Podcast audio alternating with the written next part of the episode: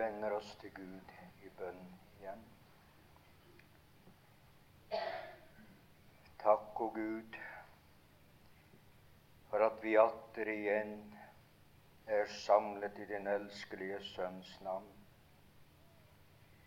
Takk fordi at det er ikke noe annet navn det er gitt under himmelen hvorved menneskene skal bli frelst. Og på det navnet har vi trodd og blitt frelst. Takk for at du er den eneste, helligste, reneste. Og derfor kommer vi til deg, du som er sjelens frelser. Du som har gitt ditt blod for å rense våre syndere, det eneste som kan rense fra all synd. Du som er livet, og vi fikk det fra deg og eier det i deg. Du som er vårt alt. Vi er ingenting, og derfor behøver vi deg. Men vi får lov å være alt i deg, og derfor tilbeder vi denne morgenstund. Syng du da samværet slik som du allerede har gjort, ved de herlige sanger og ved lesningen og tolkningen av ditt ord, at også det jeg får lov å si, må bli til ditt navns ære. Ber om dette, o Gud, i Jesu Kristi navn. Amen. Så skal jeg lese det avsnitt fra Guds ord som skal danne grunnlaget for det jeg skal tale til dere her i formiddag. Og det er fra første Korinti-er-brevet, og vi leser fra det 18. vers og til og med det 25. Første Korintierne, det første kapittel, fra vers 18 til 25. For ordet om korset er vel en dårskap for dem som går fortapt, men for oss som blir frelst, er det en Guds kraft.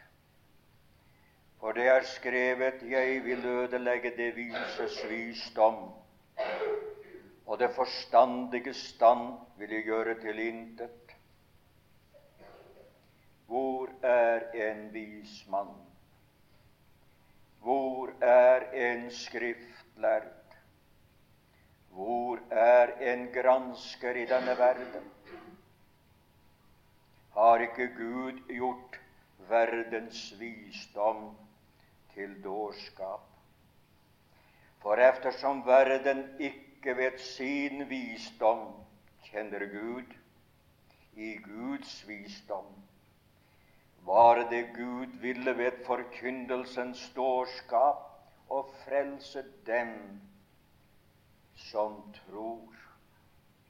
Eftersom da både jøder krever tegn og grekere søker visdom, men vi forkynner Kristus korsfestet for jødene et anstøt, og for hedningene en dårskap. Men for dem som er kalt, både jøder og grekere, forkynner vi Kristus, Guds kraft og Guds visdom. For Guds dårskap er visere enn menneskene, og Guds svakhet er sterkere enn menneskene.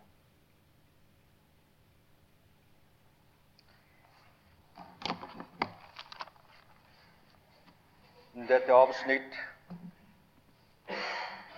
får vi nærmest ha lov til å kalle Paulins påskeforkynnelse. For det er påskens budskap som her er fremført ved Den hellige ånds inspirasjon. Det som jeg nå i formiddag skal ha som emne, vil du kan hende stusse ved.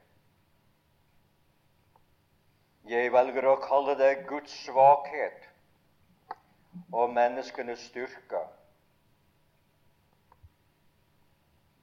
Du kan hende ville reagere overfor deg. Er det mulig, det? Guds svakhet og menneskenes styrke. Er ikke det et paradoks? Er ikke det en mot selvmotsigelse i realiteten? Skulle det ikke heller være Guds styrke og menneskets svakhet? Jo, mine venner, begge deler er sant. Det er ikke et enten-eller, men det er et både-og. Gud i sin nedladenhet gjennom Kristus har vilst at vise seg svak. Og han har gjennom menneskene ved deres vilje gitt dem en veldig styrke. Men det som åpenbares som Guds svakhet, det skal dog også kunne vise seg å være Guds styrke. Ja, fornuften kan jo reagere, men Skriften påpeker dette. Vi får høre her i denne beretning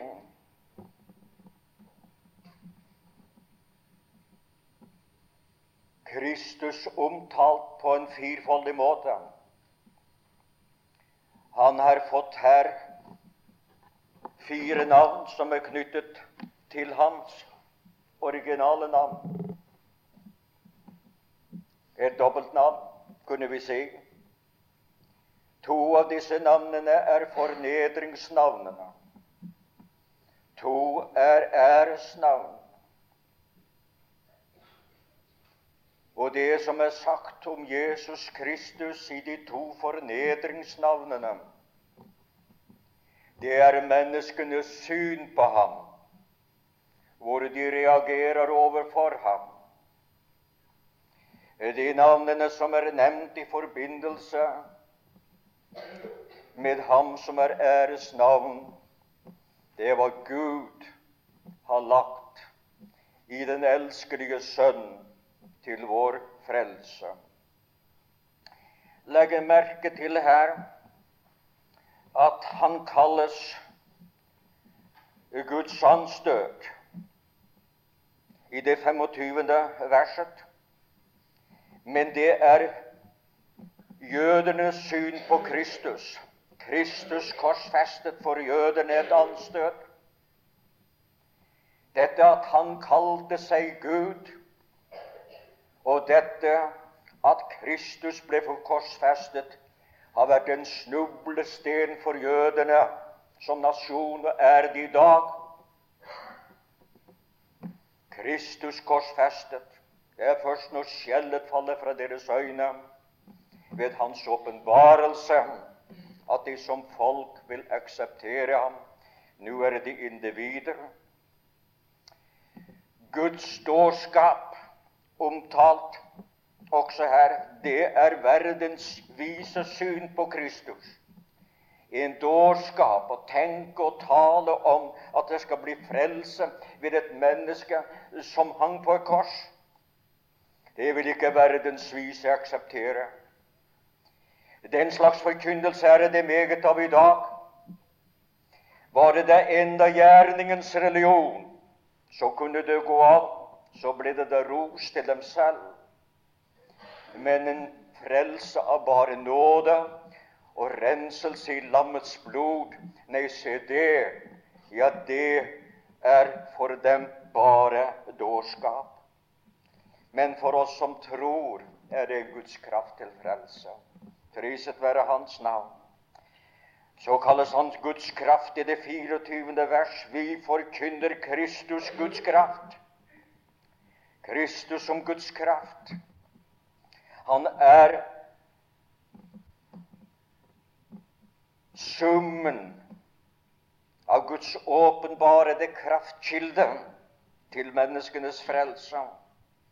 Men dette er til alle dem som er kalt, er han Guds kraft. Til alle dem som tar imot ham, er han Guds kraft. Til alle dem som blir frelst fra sin egen maktesløshet og sin for egen fortapthet, er han Guds kraft. Og han kalles også Guds visdom. Vi forkynner Kristus Guds visdom. Og det er en visdom som ikke er av denne verden, det er den guddommelige verden. I virkeligheten så beskuer vi denne side ved Kristus her i dette avsnitt fra Getsemane og helt frem til påskemorgen. En åpenbarelse av menneskenes styrke i sin motstand mot Gud og det guddommelige men også Kristi dype fornedrelse, som kan omtales som Guds svakhet. Og gjennom denne svakhet som han skulle gjøres, oppdager vi Guds kraft. Og for verden ufattelig men for Guds barn en glede å dvele ved. Vi følger Jesus på tre forskjellige steder. Vi følger ham i haven, og vi ser hans svakhet, men vi får også øye på hans kraft der. Guds kraft. Vi følger ham til to ypperste prester, til to fyrster, og vi følger ham til korset. Og vi følger ham i tankene inntil, eller like før, han oppstod. Og i alle disse steder vil vi oppdage svakhetspunkter som menneskene vil peke på og som menneskene vil reagere overfor, men som i Guds visdom ble en åpenbarelse av Hans guddomskraft. La oss da begynne der, ved Getsemane. Der ser vi Kristus som Guds svakhet, men også menneskets styrke. Men Guds svakhet er sterkere enn menneskenes styrke. Guds svakhet åpenbares på sin sønn da han engstedes inntil døden. Det er svakhet, engstelse. Og kan hende de som stod, ville se, hvis det var noen som sett det, ville ha sagt Er det Guds sønn som engstes inntil døden? Som led slik at hans Sved falt til jorden som blodstråper, og noen er til og med av den mening at han svittede blod. I det minste kan legevitenskapen påpeket at mennesker har vært i sådan usigelig vonde at blodkarene sprang og blodet ryppet fra dem. Men som oftest døde det med det samme. Men det forstås som et åpent spørsmål.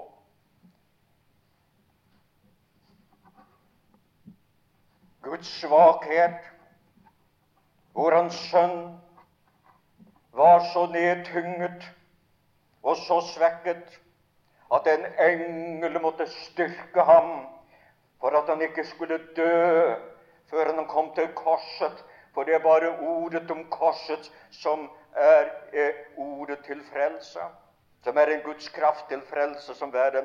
Det åpenbare Guds svakhet. Menneskenes styrke ser vi også der. Da Guds sønn ble solgt for prisen på en slave og prisen på en okse. Og hvordan menneskene i sitt hat og i sin ondskap åpenbarer sin viljes makt. Der vises også menneskenes styrke da en forræders kyss var nok til å stemple ham som en forbryter. Der er han, som har spottet Gud, sadig og løy, og som vil bygge opp tempelet, og som vil være en konkurrent uh, overfor Herodes, og så fort videre. Guds veldige sønn, bunden av syndige mennesker. Guds svakhet. Han som hadde all makt i himmelen og på jorden. Hvilke bånd kunne binde ham hvis han brukte sin allmakt? For menneskene så det ut som svakhet. Men å, gudskjelov, gjennom denne svakhet åpenbares at Guds svakhet er sterkere enn menneskenes styrke. For der, fra, Gud, fra Getsemane, ble han verdens byrdebær, din og min byrdebær. Og hvilken kunne bære denne byrde? En Herkule ser vi avbildet, bærende verden på sine skuldre. Det er fra den greske mytologi og har ingen betydning. Men Jesus ble verdens byrdebærer. Alle verdens synd så dypt ned gikk han for å ta dem som fra Adams fall til slektens ruin og synder uten tall, din og min og hele verden. Se det Guds lam som bærer all verdens synd, som bar dem bort, som bar dem opp, som bar dem bort, som renset dem, som fjernet dem. Å, det var Guds styrke. Det var Guds styrke som der åpenbartes og vi priser Gud for det. Vi ser også Hans styrke åpenbares der.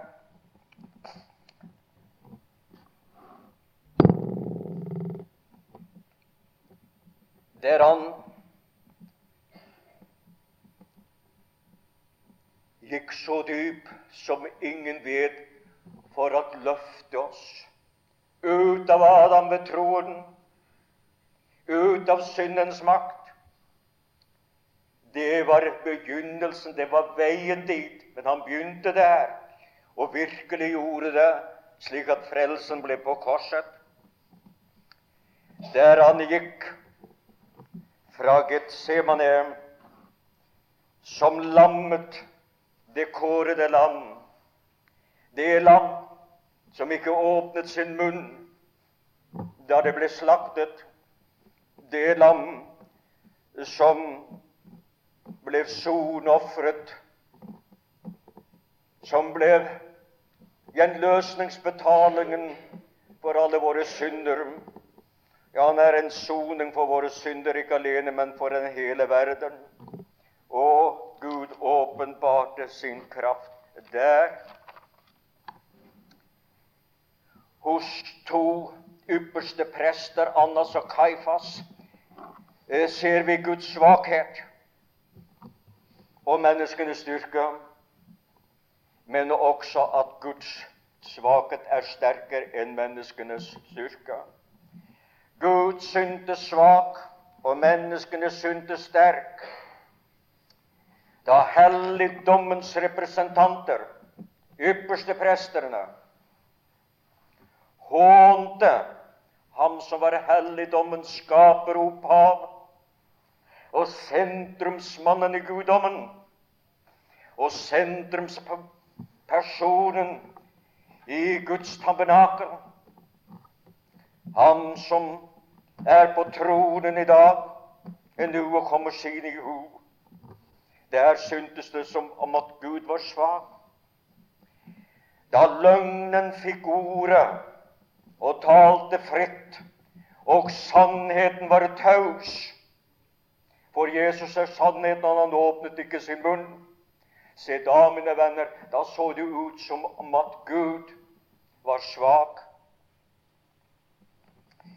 Da Kristus uten motstand lot seg binde og føre hit og dit, ham som hadde all makt i himmelen og på jorden, ja, for mennesket måtte det vise seg svake, men Gud var bak ved dette.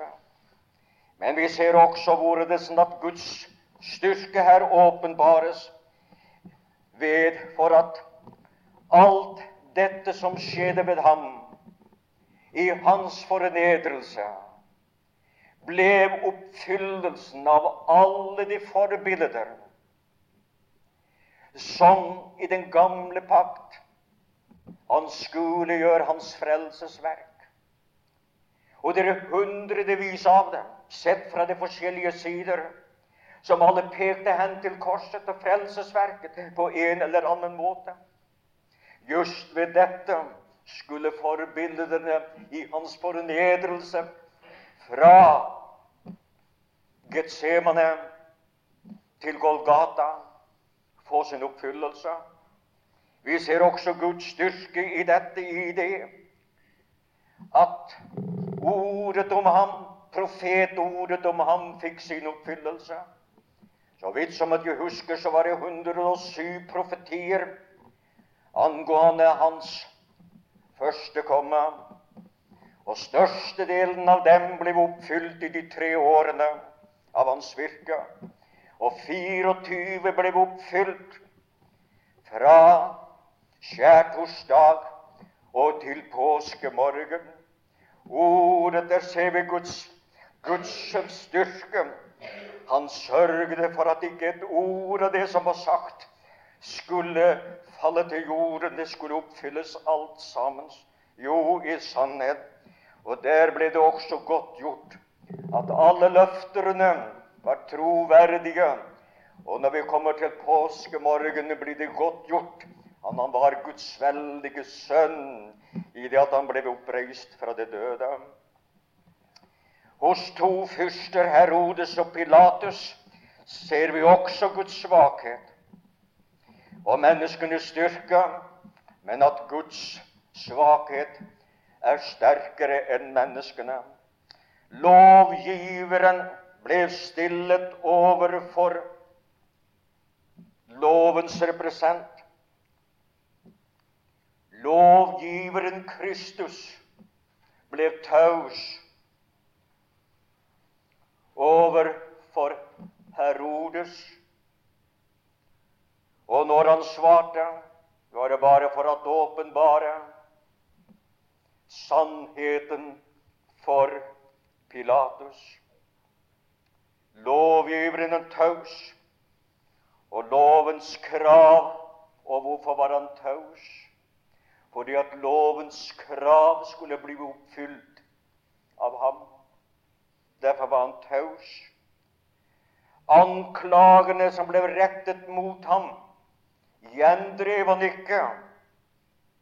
Her i denne lidelsen og forkastelsens stund. Og hvorfor gjorde han det ikke? Fordi han sto der som vår representant, som den var skyldige i alt for at vi skulle bli tilgitt for alt. Og han svarte dem ingen, han var taus. For han var der i ditt og mitt sted som den skyldige, gjort til synd for oss.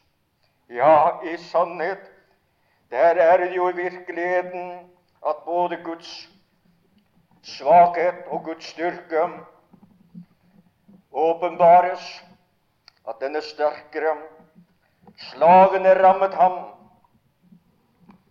Han som kunne ha avvæpnet alt og alle, men han tok imot dem fordi han er såret for våre overtredelser og knust for våre misgjerninger. Og straffen ble lagt på ham for at vi skulle ha fred. Og vi har fått legedom ved hans sår. Å, hvilken Guds styrke! Å, hvilken Guds visdom! som her hvor menneskene viser sin styrke i synd, viser Gud sin styrke over menneskene til vår frelse. Ja, Jesus fornedrelsen som konge. Også i dette ser vi Guds styrke åpenbart. Vanærens kongekappe til hån ble gitt ham. Kledt i en sådan Det var en hån at han fikk en så å si kappe som var verdifull allikevel for å søpe seg i.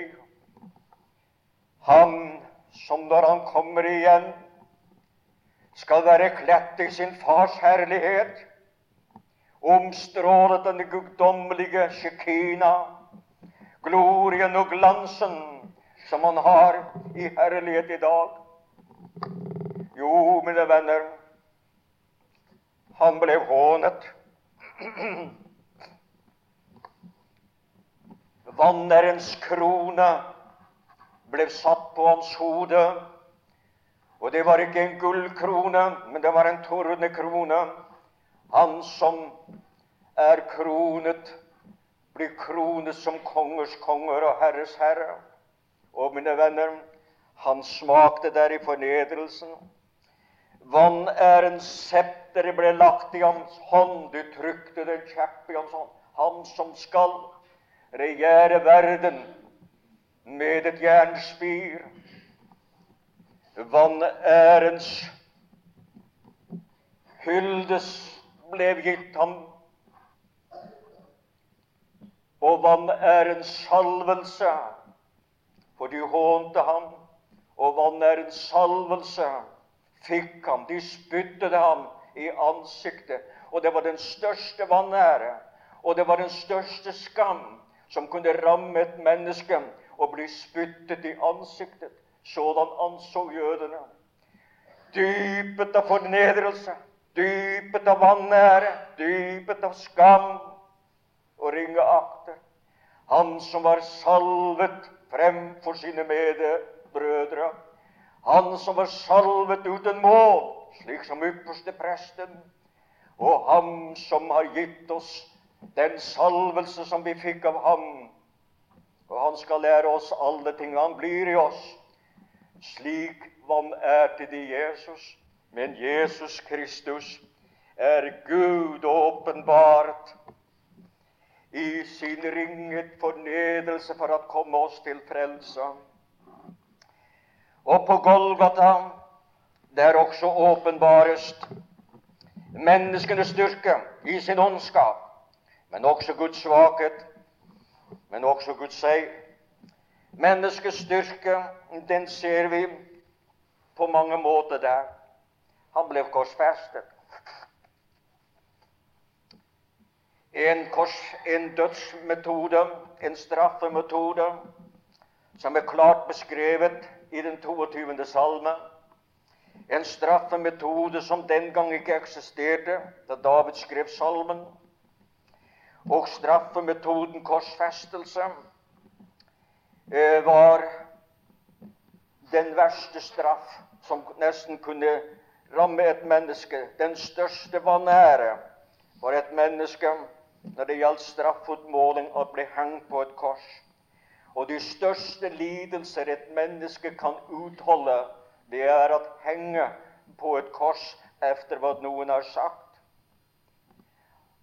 Han ble hånet midt og hengt mellom to røvere. Sentrumsmannen blant røvere en hån mot ham.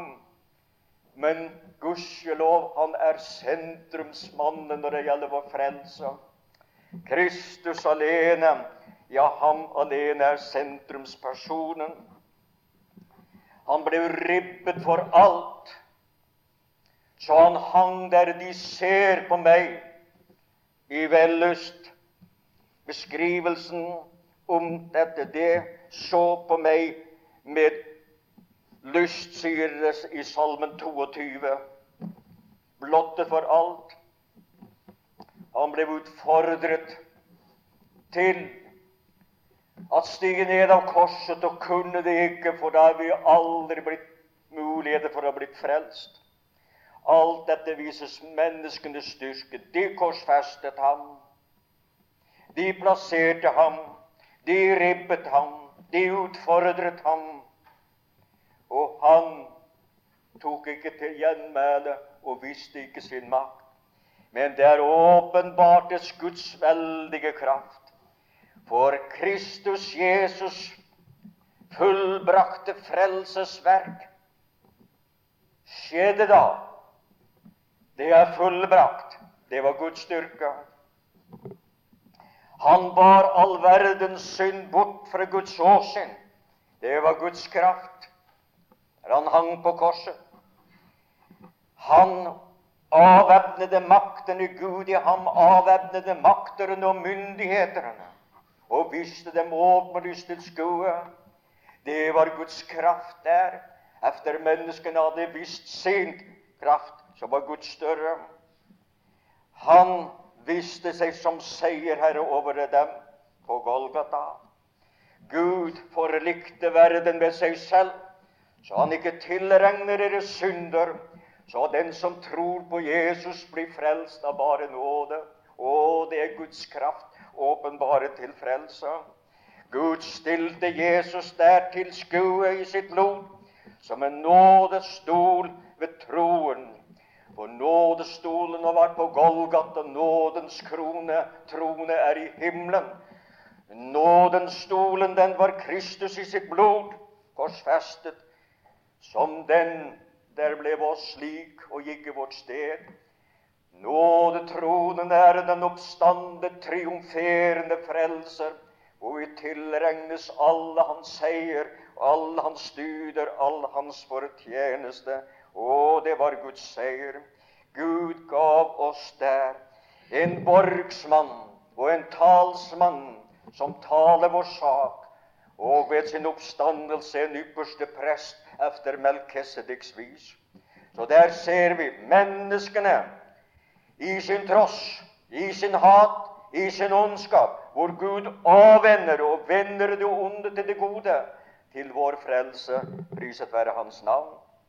Og sluttelig skal jeg få lov å påpeke at påskemorgen den begynte med menneskenes styrke og Guds svakhet, men åpenbarte Guds styrke. Menneskenes styrke, den syntes å være helt overdrevet. Tre dager hadde Jesus lagt i graven så hadde tre dager og tre netter en påbegynt dag regnes for en, en hel dag. Det skal vi ikke komme mer inn på dette. Var ikke det seier? Var ikke det noen ting som fariserene og ypperste presten ses Nå har han vært tre dager i graven. Vi har seiret. Det var deres styrke. Bevoktet av 16 romerske soldater døgnet rundt. Fire i hver skift og fire skifter. I sannhet, vi har ham under kontroll. Det syntes som seier. Øvrighetens stemper på graven som betød dødsstraff for den som våget å bryte det. Hvor det vitnet om menneskelig seier. Vi har seiret over ham. Og menneskene er opptatt i dag å få Kristus fjernet. De vil ikke tro på ham. De vil ha en annen Kristus. Prekes meget på den måte en Kristus som er eksempel. En Kristus som er en god mann, men ikke en Kristus som døde og oppstod.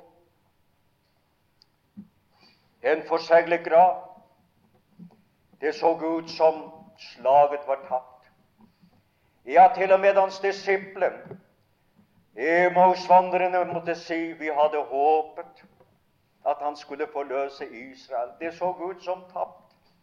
Men gudskjelov, om en menneskenes makt var stor, og ugudeligheten var fryktelig, så viser det seg at Guds avmakt Han tillot sin sønn å være der, men han hadde en oppgave i døden, men det er ikke vårt emne. Så vel som i himmelen og i dødsriket. Men det kan vi ikke komme inn på nå i alle tilfeller. Gud visste sin makt. En engel var nok til å feie dem alle sammen til side. Bare en engel, det var nok. Viste sin kraft. Et syn var nok til at overbevise mange. Han var oppstanden. Guds seier.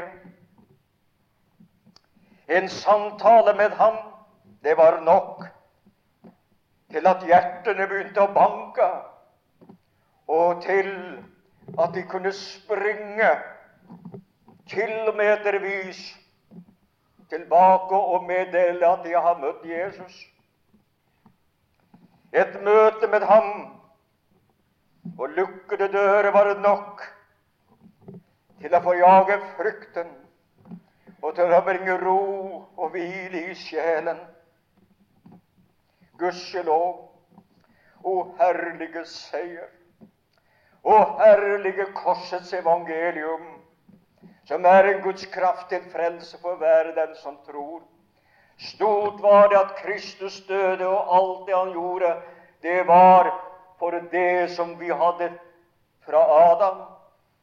Enda større det er det at Kristus oppstod og ble godtgjort å være Guds veldige sønn, for at alt det som hører til Gud, i en annen stedfortreder, i en annen borgsmann, at vi skulle få lov at eie alt i ham, tilregnet hans dyder. Å, gudskjelov Det ble sagt under krigen Seieren er vår. Og så visste de seierstegnet. Vi sier aldri det. Seierens var Kristus. Og hans seier er vår seier. Gudskjelov for det. Han tok synden, han tok straffen, han tok byrdene. Og så gav han fred, gav han oss freden og frelsen og nåden og velsignelsen og hele Guds velsignelse over vårt liv. Guds seier. Og så leser vi igjen ordene som vi her begynte med.